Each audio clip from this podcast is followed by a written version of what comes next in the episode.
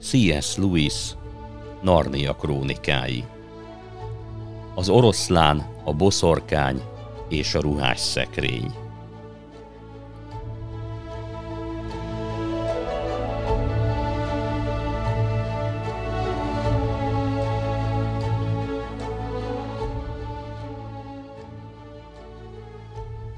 Hetedik fejezet Egy nap a hódokkal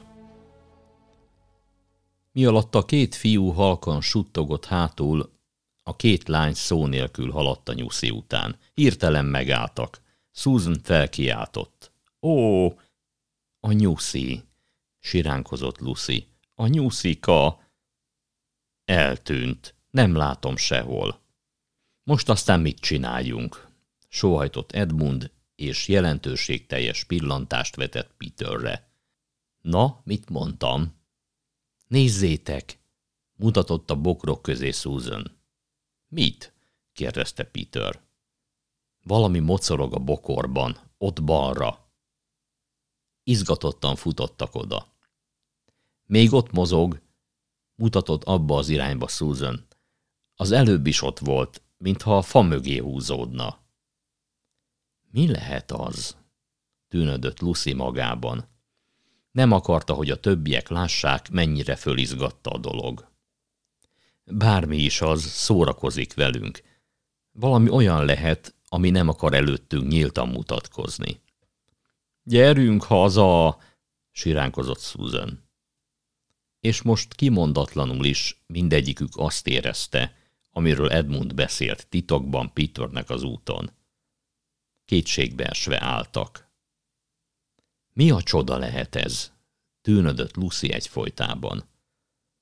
Valamilyen állatnak kell lennie. Nézzétek, gyorsan, ott van!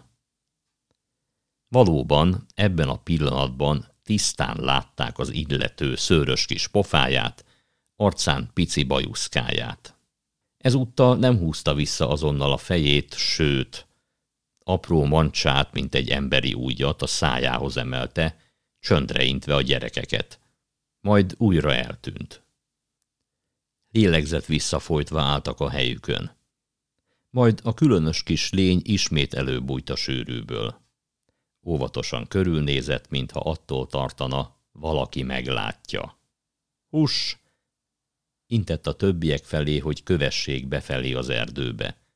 Majd ismét eltűnt a szemük elől.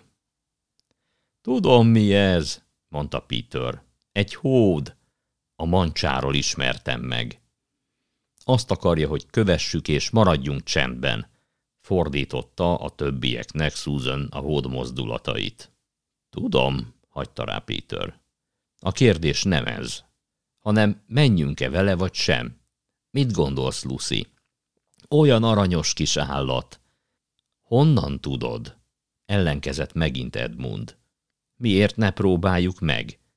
Egyáltalán nem jobb itt átsorogni és ebéd után sóvárogni, mondta Susan. Ebben a pillanatban a hód újra fölbukkant és sietésre intette őket. Gyerünk, a bátraké a szerencse, döntött Peter.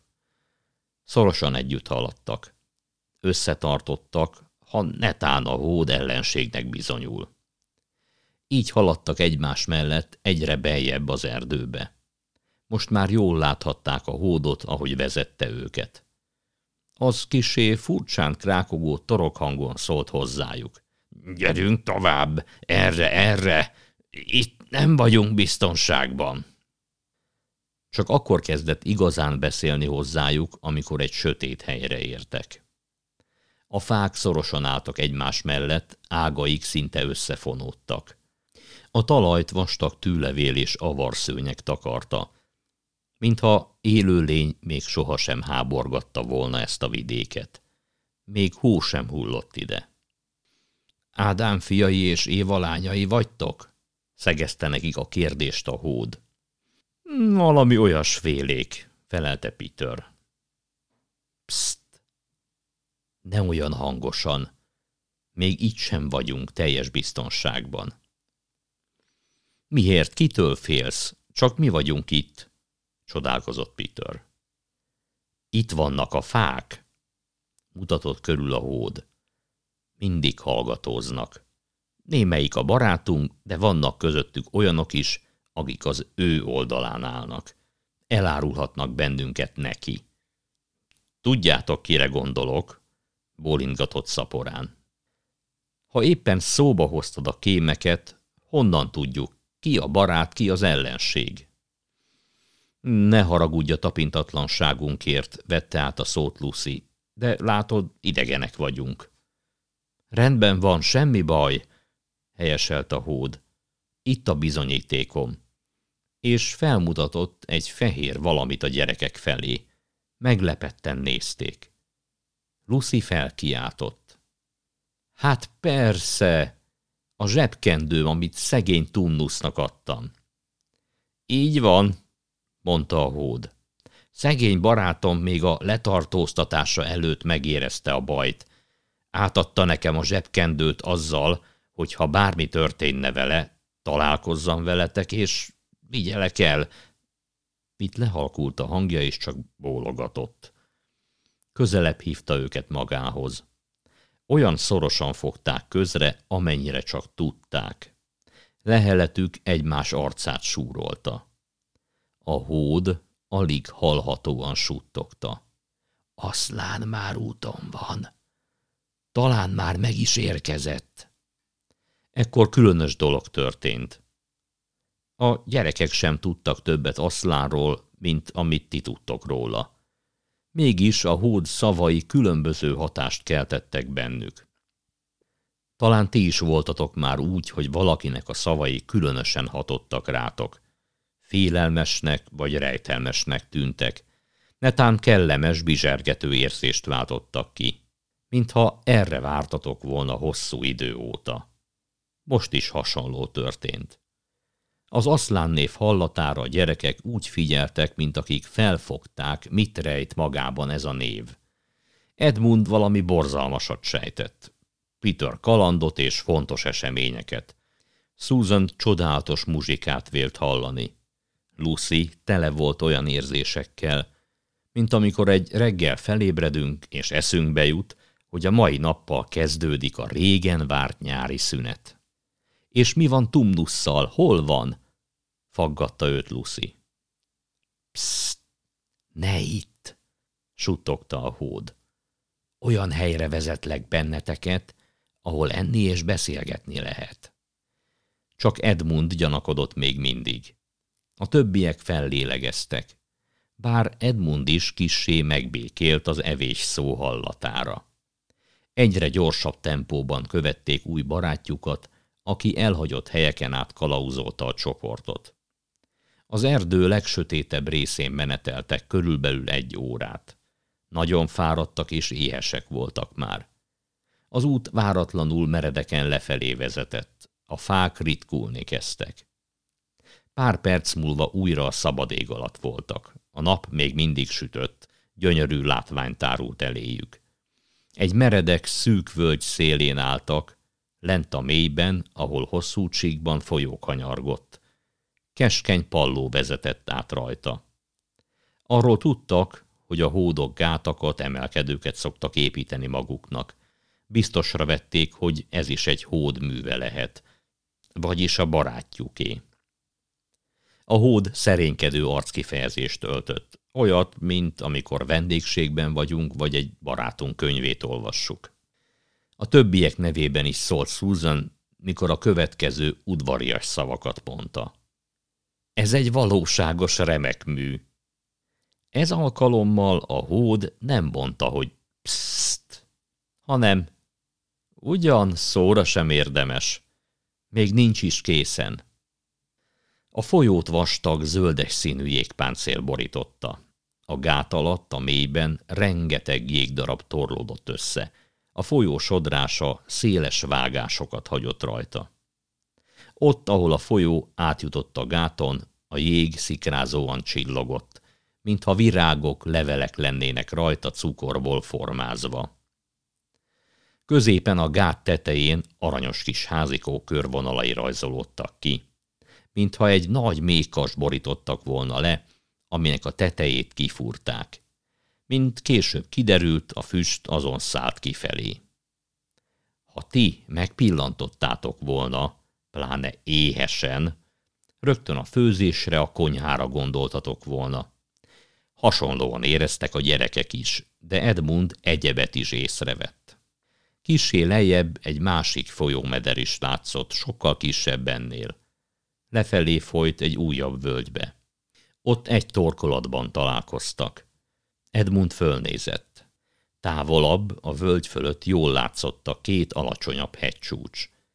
Biztos volt benne, hogy ott kell lennie annak a kastélynak, amiről a fehér boszorkány beszélt. Úgy számította, két kilométerre lehet tőle. Rögtön eszébe jutott a csodatorta, a beígért királyság. Kíváncsi lennék, mit szólna hozzá Peter. Kuncogott magában. Szörnyűséges gondolatok kavarogtak az agyában. Megérkeztünk, állította meg a csapatot a hód. Úgy látszik, a feleségem már várt minket. Mutatom az utat. Vigyázzatok, el ne csúszatok. A gát teteje elég széles volt, kényelmesen tudtak haladni rajta. Természetesen nem embereknek készült. Hó borított mindent. A befagyott folyó egyik része sima volt, a másik fele veszélyesen meredek. Libasorban haladtak a hód után a folyó közepén fölfelé, majd lefelé. Körülbelül középtájt állott a kis házikó.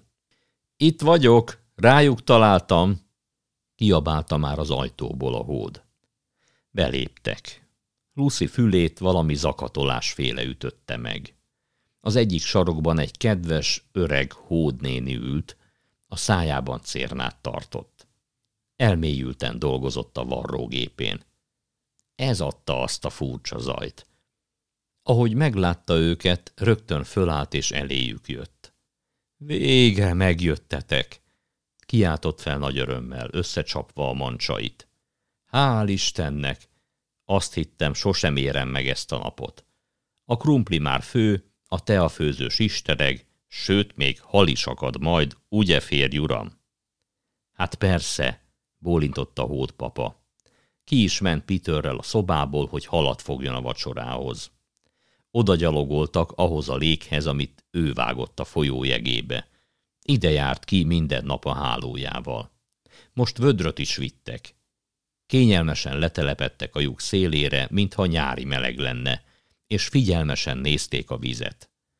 Hirtelen a hód belecsapott a mancsával, és mielőtt Peter egy szót is szólhatott volna, kiemelt egy szép pisztrángot. Addig ismételte ezt a fogást, amíg elegendő mennyiség gyűlt össze a vacsorához. Ez alatt a lányok a hódmama körül sündörögtek. Készítették a teát, megterítették az asztalt, felszeletelték a kenyeret, szétrakták a tányérokat. Középre került a sörrel teli kancsó, a házigazda itala. A sör egy kimustrált ágyúcsőből került elő, ami a szoba egyik sarkában állt. Végül a serpenyőt tették fel, amiben a halat sütötték. Lucinak nagyon tetszett a hódék lakása, bár kissé különbözött Tumnus szobájától. Könyvek, képek sehol, ágyak helyett hevenyészet összetákolt fekvőhelyek voltak a falhoz erősítve. Sonkák, hagymafüzérek lógtak a mennyezetről. Máshol gumicsónakok, esőköpenyek, fejszék, sövényvágók, ásók és vakoló kanalak tornyosultak egymáson. A másik oldalon építkezéshez szükséges egyéb eszközök, horgászfelszerelés hálóval, zsákok tornyosultak. Még az asztalterítő sem volt a legfinomabb, inkább vastag, durva vászon. A tea főző fütyülni kezdett, Peter és a hódpapa hozták a halakat. Időközben megtisztították, kibelezték. Elképzelhetitek, milyen incsiklandó illat terjengett a pici helyiségben, ahol a halat sütötték. A gyerekek egyre éhesebbek lettek, alig várták, hogy leülhessenek enni. Mindjárt kész, nyugtatta őket hódpapa. Susan megpucolta a krumplit, és egy lábasban feltette a tűzhelyre. Lucy közben hódmamával panírozta a halszeleteket. Mindenki odahúzta a székét az asztalhoz, háromlábú székek voltak, kivéve hódmama varrószékét, készülöttek az evéshez. Egy bögre friss teát mindenki tányérja mellett. Hót papa sörözött, valamint nagy darab sárga vaj az asztal közepén. Mindenki annyit vehetett belőle a krumplihoz, amennyit akart.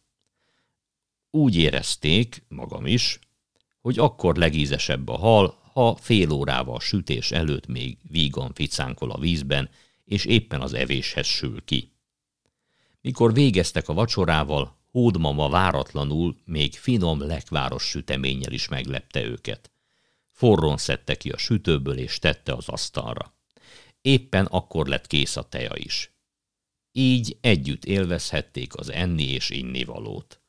Mikor befejezték a vacsorát, a székeket visszatették a helyükre. Hátukat a falhoz támasztva kényelembe helyezkedtek. És most, szólt hótpapa jelentőségteljesen, miközben eltolta magától az üres sörös kancsót, és teázni kezdett. Egy percet legyetek türelemmel, míg megtömöm a pipámat, aztán rátérek a lényegre. Megint havazik, tűnődött el, ahogy kipillantott az ablakon. Így a legjobb, mert nem jöhet váratlan látogató. Ha mégis utánatok akarna jönni valaki, nyomunkat úgy is elfötte már a hó.